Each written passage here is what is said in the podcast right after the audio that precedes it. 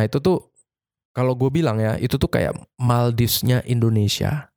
Yes, Maldivesnya Indonesia. Gue yakin lu pasti tahu Maldives dan dan gue baru tahu kita punya wisata sekeren gini ya, sekeren Maldives di Indonesia.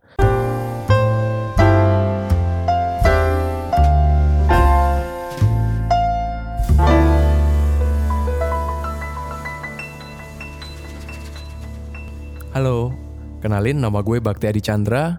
Biar lebih akrab lo bisa panggil gue Bakti. Selamat datang di podcast Keramat, Kepo Rame-Rame Malam Jumat. Gue sengaja hadir untuk menemani malam Jumat teman-teman biar gak horor-horor banget ya. Makanya gue temenin kalian dengan podcast Keramat ini. Di podcast yang kedua ini, gue bakal ngobrolin tentang karir dan rasanya kerja yang jauh dari rumah atau istilahnya kerja ngerantau. Jauh yang gue maksud di sini bukan jauh yang dari Surabaya Malang, Jakarta Bekasi, atau Jakarta Bogor ya. Kalau itu jauh yang kalian maksud, maka buat gue itu masih deket gitu. Nah, jauh yang gue maksud itu adalah di mana lu nggak bisa pulang atau sulit untuk sewaktu-waktu untuk pulang kampung. Kalau lu cuman kerja di Jakarta dan rumah lu Bogor, lo masih bisa setiap minggu pulang ke Bogor naik kereta atau naik armada yang lain. Jauh yang gue maksud di sini, lo nggak bisa pulang secara rutin dalam jangka waktu yang terlalu sering. Misalnya nih, rumah lo di Jakarta. Nah, lo kerjanya di Papua gitu kan. Kan nggak mungkin lo balik kampung setiap hari minggu gitu kan. Atau mungkin lo balik setiap hari gitu kan. Paling nggak ya sebulan sekali, itu pun kalau lo tajir banget men. Dan lo nggak capek perjalanan segitu jauhnya. Nah, itu definisi gue tentang kerja di tempat yang jauh. Gue saat ini kerja di tempat yang sangat jauh dari kampung halaman gue. Di suatu pulau yang secara administratif terletak di wilayah Provinsi Kepulauan Riau. Nah, gue lurusin dulu nih. Lo pada ngerti nggak bedanya Kepulauan Riau dengan Riau, men? Jadi lo harus tahu dulu ya, dua benda ini tuh beda ya. Antara Provinsi Riau dan Provinsi Kepulauan Riau. Kalau Riau itu base-nya ada di daratan Sumatera dan ibu kotanya itu Pekanbaru. Nah, sedangkan Kepulauan Riau itu lepas dari induk daratan Sumatera. Jadi terdiri dari gugusan pulau-pulau di sebelah timur Sumatera. Nah, gue kerja di sebuah perusahaan yang ada di uh, salah satu pulau di Kepulauan Riau itu. Nah, gue yakin kalau gue sebutin nama pulaunya, lo mungkin sebagian besar nggak bakal tahu itu pulau emang benar ada di Indonesia enggak gitu kan? Atau mungkin yang udah pernah tahu mikir-mikir ini beneran di Indonesia atau di luar negeri gitu kan nama pulaunya gitu. Karena emang lokasi pulaunya ini uh, di perbatasan banget ya di perbatasan banget di bagian terluar banget antara uh, dua negara gitu. Oke kita coba aja deh langsung. Kira-kira lo ngerti nggak pulau ini gitu kan? Lo siapin aja dulu Google Maps ya Google Maps atau benda-benda yang bisa membantu lo untuk menemukan uh, pulau ini. Dan buat memastikan pulau ini bener ada gitu. Masuk wilayah Indonesia dan yang paling penting lo percaya gue nggak ngibul. Oke okay, let's make it quick. Apakah lo pernah dengar nama pulau Bintan? Oke okay, coba coba coba coba dicari dulu. Mungkin masih asing ya buat sebagian dari kalian ya. Kita coba dengan pulau lainnya coba ya. Kita coba dengan pulau yang lainnya yang mungkin lebih familiar. Kalau pulau dengan nama Pulau Batam, pernah dengar? Pasti udah pernah dengar ya kalau Pulau Batam ya. Nah, Pulau Bintan itu dia posisinya itu ada di sebelah timur Pulau Batam. Jadi uh, ber, ber, berdampingan banget ya posisi pulaunya. Nah, ya pokoknya pas banget di sebelah timurnya gitu. Dan Bintan itu merupakan pulau terbesar di gugusan Kepulauan Riau. Jadi kalau lo tahu di Bintan itu uh, di luar Pulau Bintan itu pulaunya kecil-kecil yang lainnya ya. Yang paling besar banget itu adalah Bintan. Ya maksudnya di Kepulauan Riau-nya itu sendiri gitu. Nah, di Bintan sendiri itu ada dua uh, per, uh, pemerintahan administratif, yaitu ada Kota Tanjung Pinang sebagai ibu kota provinsi dan Kabupaten Bintan. Nah, di Kabupaten Bintan ini tempat di mana perusahaan gue bekerja berada. Nah, sekarang coba lo bayangin Bintan atau Pulau Bintan yang ada persis di sebelah timur Pulau Batam ini tadi. Atau tunggu, tunggu, tunggu, tunggu. Jangan-jangan mungkin lo juga belum tahu nih Batam ya. Gue jelasin dulu ya Batam itu ya. Kalau Batam uh, itu mungkin pernah dengar, cuman mungkin posisinya belum tahu ya. Biar clear aja nih. Jadi Batam itu dan Bintan uh, dua-duanya ini posisinya berdekatan dengan uh, apa namanya Singapura. Ya ada Singapura dan Malaysia. Jadi kalau kalian tahu posisi Singapura ada di mana, nah itu di sebelahnya itu itu ada Batam dan Bintan gitu. Nah posisi Bintan kita balik lagi posisi Bintan ya. Posisi Bintan tuh ada di sebelah timurnya Pulau Batam gitu. Jadi dekat banget di situ. Singapura, Batam, Bintan. Nah saking deketnya teman-teman jadi lo lo nggak nggak perlu kaget ya kalau misalkan lo ketemu sama anak kepulauan atau anak kepulauan Riau, lo jangan tanya, eh lo pasti nggak pernah main Jakarta kan? Atau lo eh lo nggak ngerti kan gedung-gedung tinggi kayak gini? Teman-teman jangan nanya kayak gitu. Kenapa? Karena ini fakta ya. Anak-anak di sini kalau liburan, lo tau nggak perginya ke mana? Ke Singapura. Mampus nggak lo? Nggak gue seriusan. Karena kan udah gue bilang Singapura tuh kayak cuma 15 menit gitu dari Batam dan kalau dari Bintan tuh cuma 30 sampai 45 menitan naik kapal feri ya. Jadi lu yang ada di Jakarta, kemudian lagi yang yang ada di Surabaya gitu. Jangan jangan sombong deh kalau ketemu anak kepulauan Riau gitu kan. Karena di sini liburannya ke Singapura, ke Malaka, ke Thailand. Yang kayak kayak gitulah pokoknya ya. Jadi ya ngapain coba mereka main ke Jakarta yang kejauhan banget kan. Mending mereka main ke Singapura yang deket gitu maksudnya. Nah sekarang balik lagi ke topik pembicaraan kita tadi. Sekarang coba lu bayangin lagi ya, Pulau Bintan dengan segala kondisinya, meskipun gue belum jelasin gimana kondisinya, dan kampung halaman gue yang ada di Blitar, Jawa Timur. Secara jarak jauh banget kan, dan gue nggak mungkin setiap hari bolak-balik ke Blitar gitu kan setiap pulang kerja gitu kan. That's impossible. Atau sering-sering balik lah paling nggak tiap minggu gitu kan juga nggak mungkin kan karena jaraknya yang cukup jauh ya. Nah ini gue cerita sedikit nih.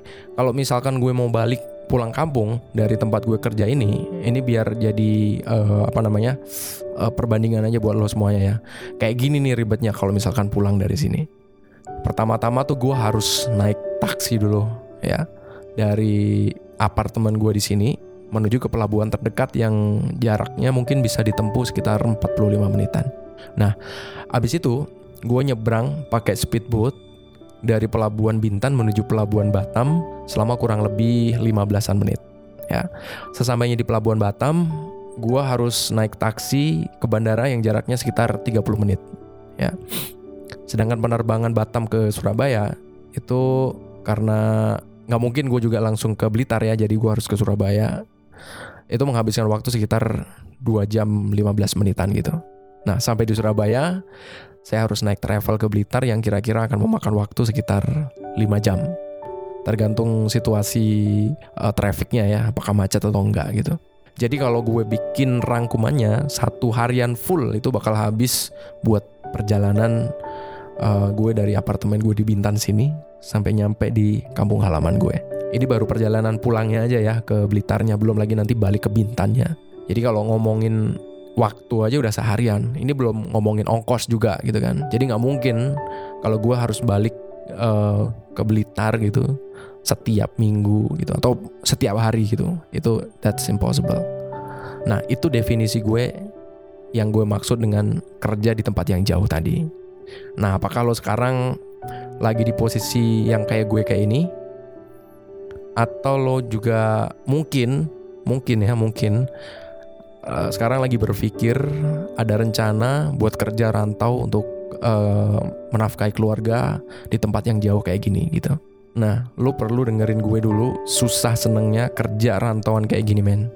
Apalagi kalau lo nggak ada saudara di tempat tujuan lo, lo harus dengerin cerita dari gue ini. Sekarang pertanyaan gue selanjutnya, kenapa sih harus kerja jauh banget gitu? kenapa nggak kerja di Jawa aja misalnya? Kalau memang rumah lu di Jawa gitu ya kenapa lu nggak kerja di Jawa aja gitu? Ini pertanyaan yang akan sering muncul ya sama teman-teman perantau gitu kan. Banyak biasanya kalau kita balik itu nanyain gitu teman-teman kita ya biasanya ya. Kenapa sih lu harus kerja jauh banget gitu kan sampai sana gitu? Apa coba jawaban kalian kalau ketika kalian mendapatkan pertanyaan seperti itu apakah karena di Jawa udah nggak ada kerjaan lagi akhirnya bingung buat cari kerja atau apa nih Sebenarnya kalau menurut gue nih teman-teman ya, menurut gue pribadi ya, pertanyaan kayak gini sih nyebelin banget sebenarnya. Ya, nyebelin banget. Ini nih kayak apa ya? Pertanyaan yang yang nanyain atau dianalogiin ya kayak orang nanyain kenapa sih lu berak harus di jamban gitu kenapa sih lu berak harus di jamban nggak di, di di jalanan gitu? Ya sebenarnya apa ya? Preferensi kita mau kerja di mana itu kan gak ada salahnya. Dan gak ada urusannya juga sama mereka gitu. Mau kita kerja di jauh mau kerja di deket gitu kan. It's our choice gitu. Seolah-olah pertanyaan-pertanyaan yang kayak gini nih sebenarnya kayak ngegiring lu seolah-olah lu tuh nggak laku gitu nggak laku di Jawa gitu jadi lu cari kerja di luar gitu kan. Ini mindset yang salah teman-teman. Sangat salah gitu. Jadi kalau ada pertanyaan kenapa sih gue harus kerja jauh banget gitu? Ya karena ini yang gue mau gitu. Ini kerjaan gue banget gitu. Dan gue mau berkarya mau itu di Jawa itu mau di Sumatera mau di kepulauan atau di mana aja gitu. Niat kita ya berkarya kita mau kerja gitu dan alhamdulillah itu yang mengantarkan gue sampai saat ini gitu. Tahun 2015 gue bergabung di sebuah perusahaan pengelola kawasan wisata internasional di Bintan ya. Di perusahaan gue sekarang ini sebagai community development officer. Dan gue seneng banget waktu itu bisa kerja di bidang yang gue sukai gitu. Dari dulu gue pengen banget kerja di bidang yang apa ya yang bantu-bantu orang gitu kan yang yang kayak gini gitu kan di bidang sosial gitu. Makanya gue pernah ikut Indonesia mengajar tapi entah kenapa sudah seleksi uh, sampai provinsi gue gagal gitu. Tapi gue juga uh, tapi gue mencoba terus berkarya dengan cara yang uh, yang lainnya ya. Pernah nyoba ikutan apa namanya Save the Children tapi panggilan interviewnya dadakan. Jadi gue nggak bisa datang dan pernah apply di NGO NGO lainnya juga meskipun nggak ada panggilan gitu yang penting gue ada usaha men gitu kan. Nah awalnya gue dinyatakan diterima dan minta restu dari orang tua buat berangkat. Gue nggak dikasih nyokap men buat berangkat ke sini gitu. Sebagian besar dari keluarga gue berat banget kalau gue harus kerja di tempat yang jauh banget kayak gini. Nyokap sih pengennya gue jadi guru dan ngajar jadi honorer di Blitar ya. Karena nyokap gue juga guru gitu kan maklum mungkin juga karena gue lulusan S1 pendidikan bahasa Inggris calon guru gitu. tapi dalam hati gue gue nggak pernah apa ya namanya punya bayangan bakal jadi guru. Ya lu, boleh bilang lah gue salah jurusan atau apa tapi emang emang itu yang terjadi sama gue gitu kan.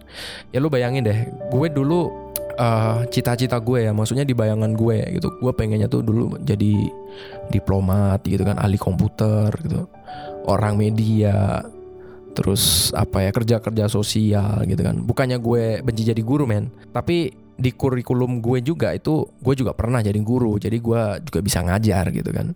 Sampai pada akhirnya bokap gue bilang kayak gini men. Tapi dalam bahasa Jawa ya Lek kowe wes yakin dilakoni wae gitu. Ya rapopo Sing lakoni kan kowe aku mekur support gitu.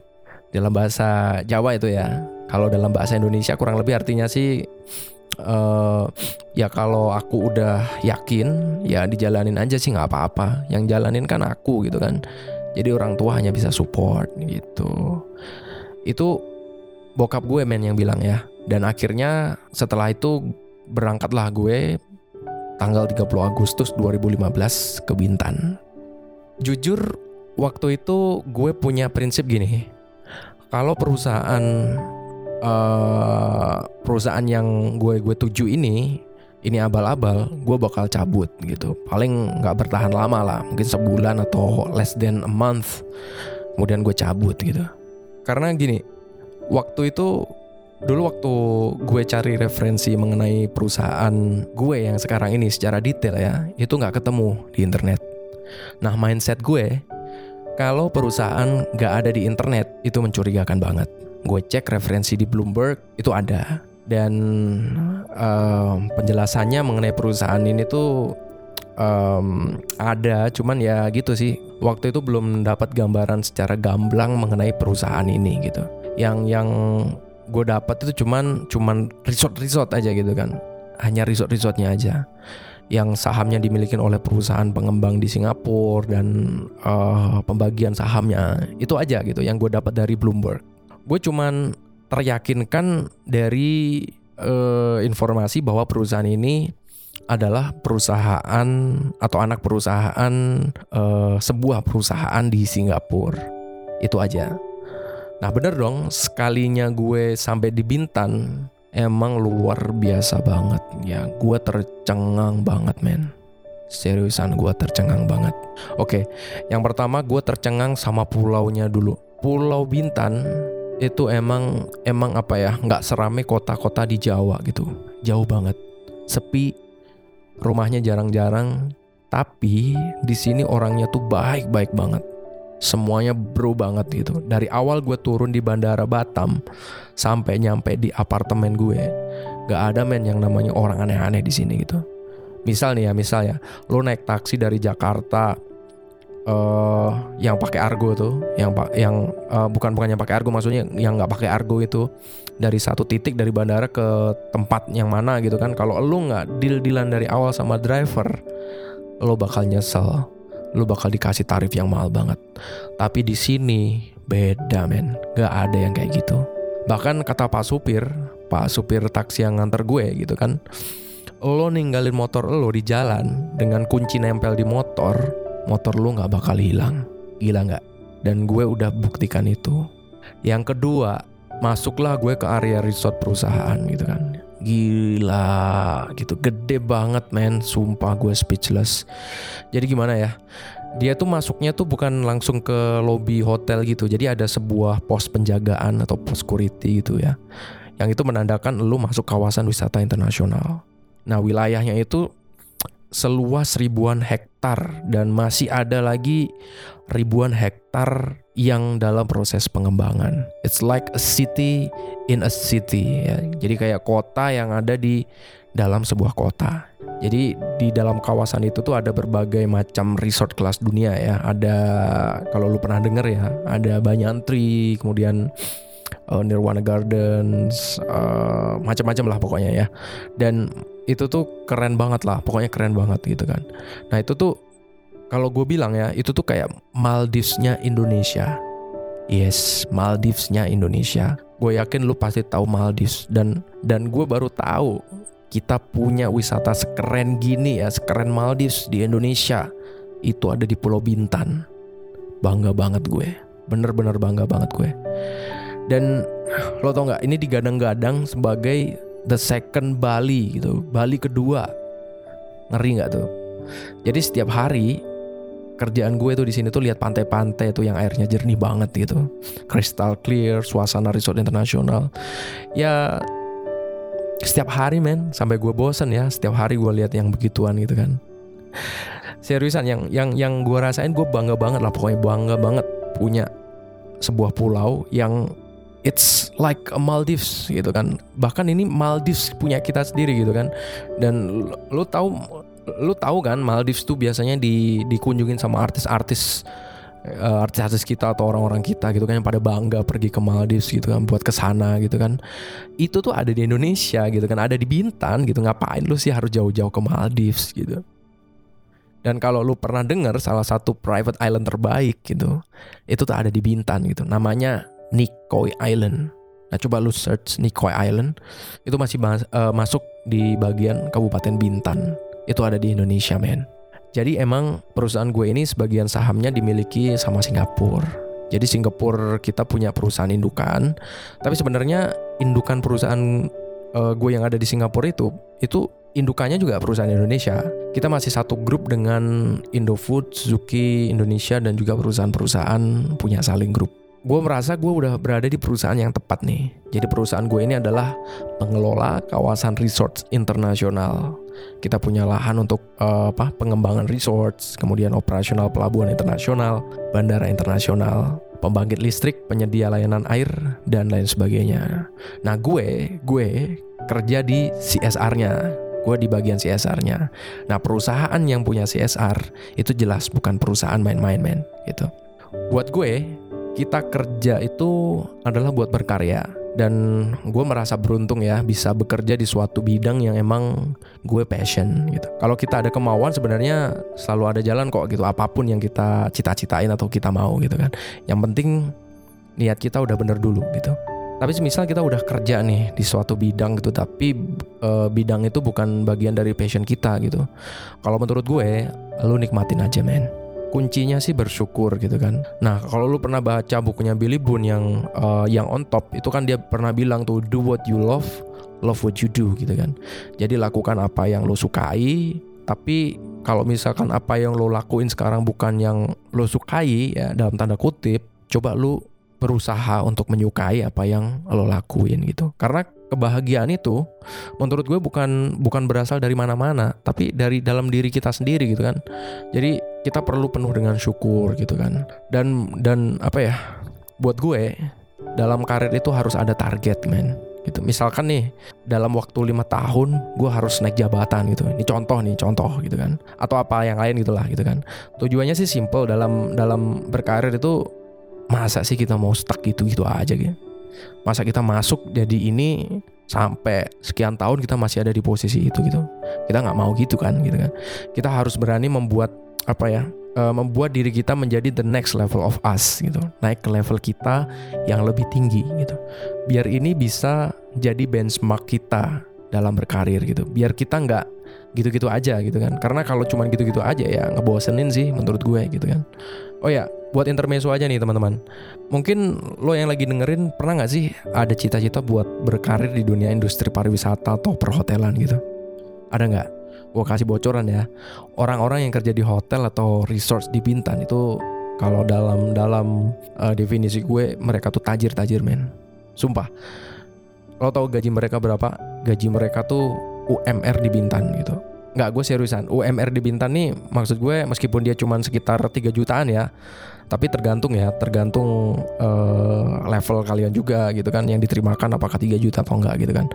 Nah orang hotel itu ada namanya komponen gaji yang disebut dengan gaji servis nah itu bervariasi dapatnya setiap bulannya. Itu tergantung dari tingkat apa ya okupansi hotel di setiap bulannya gitu nah kalau lagi tinggi tingkat okupansinya wah itu gila-gilaan itu meledak tuh gaji mereka tuh.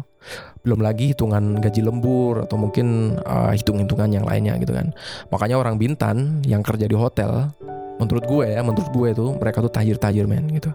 Padahal kalau dilihat dari uh, latar belakang pendidikan ya mungkin ada yang cuma lulusan SMK gitu ada yang cuma lulusan D1 gitu kan. Tapi itulah kenyataannya gitu kan Nah, gimana menurut lo, men? Ada nggak sih dari lo yang punya cita-cita kerja di dunia industri pariwisata gitu kan? Oke, itu intermezzo aja gitu. Kita kembali ke topik kita. Nah, gue sih dari dulu nggak nyangka ya bisa kerja di tempat yang jauh banget kayak gini gitu kan. Oh ya, gue udah nikah ya. Bini gue udah uh, punya anak satu dan gue ajak juga di sini Nah, bini gue juga kerja di salah satu yayasan yang dimiliki oleh perusahaan gue di sini. Nah, gue sebelumnya nggak pernah kepikiran main buat kerja di tempat yang jauh begini, ya kan? Dari dulu impian kerja ya paling jauh, ya pokoknya di area area Jawa ya, di Surabaya, mungkin di Malang atau di Jakarta gitu kan. Makanya keseringan gue dulu masukin lamaran ya ke daerah Surabaya gitu kan, ke Jakarta gitu. Nah, sekalinya cek lowongan di internet gue lihat itu ada posisi community development gitu.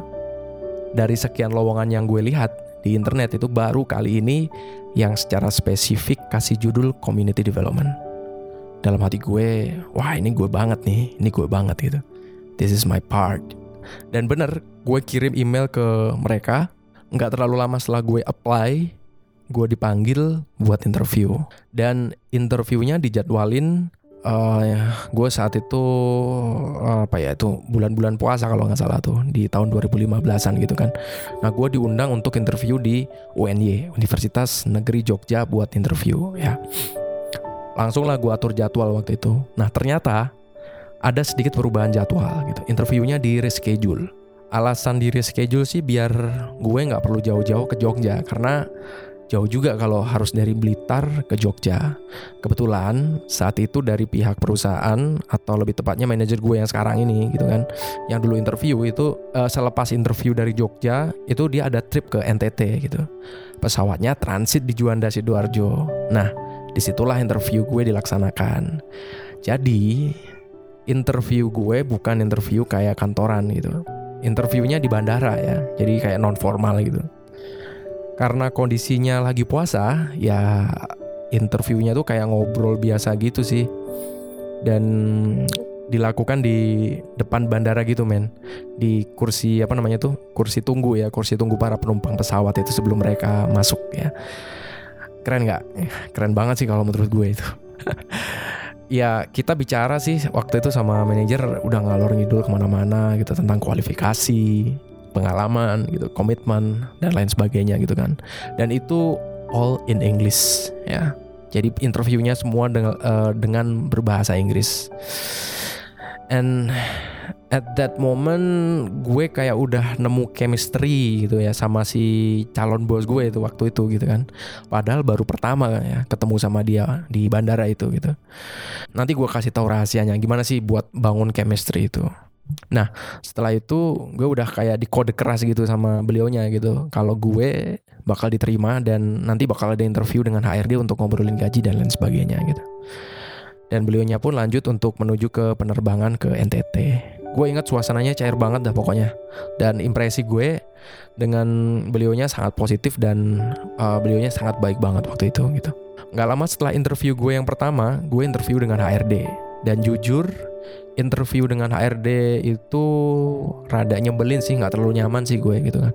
Karena buat gue saat itu pertanyaan-pertanyaan HRD itu kayak diulang-ulang gitu, sesuatu yang udah dibicarain dengan uh, manajer gitu kan ditanyain ulang gitu kan. Jadi kayak nggak nyaman aja sih gue gitu kan. Dan ya biasa sih HRD kan memang tugasnya kayak gitu ya nanya yang aneh-aneh gitu tapi ya begitulah fungsi HRD gitu gue sih orangnya apa adanya gitu jadi apa yang mereka tanya ya gue jawab lah sekenanya gitu meskipun gue saranin ya buat lo kalau misalkan lo mau interview lu harus siapin 100% ya materinya apa gitu. Apalagi interview dengan HRD, lu harus siap 100%. Karena penilaian HRD itu beyond our understanding lah ya. Kadang-kadang yang uh, kita nggak merasa itu bakal dinilai, eh ternyata dinilai gitu sama HRD gitu. Oke, singkat cerita, gue akhirnya diterima dan diminta untuk segera bergabung. Jadi kayak misal lo interview atau diterima di hari Selasa, uh, hari Kamisnya lo harus berangkat. Nah itu gue. Jadi yang terjadi sama gue itu kayak gitu gitu. Dan gue waktu itu dalam kondisi sanggup-sanggup aja sih gitu kan. Makanya gue iyain aja gitu. Karena kerjaan di media juga harus apa ya bisa ditinggal ya. Karena gue part timer aja waktu itu. Jadi ya udah gitu. Gue berangkat gitu. Gak ada acara seremonial, gak ada drama-drama dan gue berangkat ke Bintan. Nah, lu tau nggak kenapa gue bisa cepet dapat chemistry sama calon bos gue tadi gitu? Ini sebenarnya udah gue analisis dari pengalaman-pengalaman yang sebelum-sebelumnya ya. Gue sering dapet chemistry sama yang interview gue atau atasan gue gitu kan. Salah satu kuncinya men, lo mau tau nggak? Ini rahasia nih sebenarnya nggak bisa dibilang-bilang nih. Tapi karena gue percaya sama lo nih, gue kasih tahu sama lo gitu kan. Rahasianya adalah kecakapan berbahasa terutama bahasa Inggris men nggak serius gue serius orang dengar gue ngomong pakai bahasa Inggris itu udah kayak langsung well you're the people we are looking for you're the right person gitu. Gue seriusan dan dan ini udah sejak zaman gue di media dulu ya. Emang emang kayak gini ini, udah gue praktekin gitu. Dan tentunya ini diperkuat juga dengan background pendidikan gue yang S1 bahasa Inggris ya. Dan dengan skill-skill yang lain tentunya ya bukan hanya karena bahasa Inggrisnya doang gitu. Nah ini percaya nggak percaya sih ya tentu yang lain harus didukung dengan kecakapan soft skill dan juga hard skill yang diperlukan gitu. Tapi bahasa Inggris itu memang menjadi pembeda sih men menurut gue gitu kan. Menjadi identitas buat gue gitu. Lo mungkin punya hal lain yang bisa menjadikan diri lo mudah dibedakan dengan yang lain. Perumpamaannya tuh gini nih. Jika dalam satu posisi lowongan kerja itu ada 10 pelamar dan 10-10-nya itu sama semua, ini bakal buat pemberi kerja sulit untuk memutuskan siapa dari mereka yang akan dipilih gitu kan. Nah, ketika lo bisa nawarin sesuatu yang beda gitu kan, lo orangnya gitu. That's the art man gitu. Itu kuncinya kalau lo mau interview dan dapat kerjaan gitu. Kalau kunci dari gue pribadi sih cuman itu doang gitu kan. Lo boleh percaya boleh enggak sih, tapi gue udah udah udah praktekin itu gitu. Dan hampir 100% di setiap interview gue, gue selalu diterima.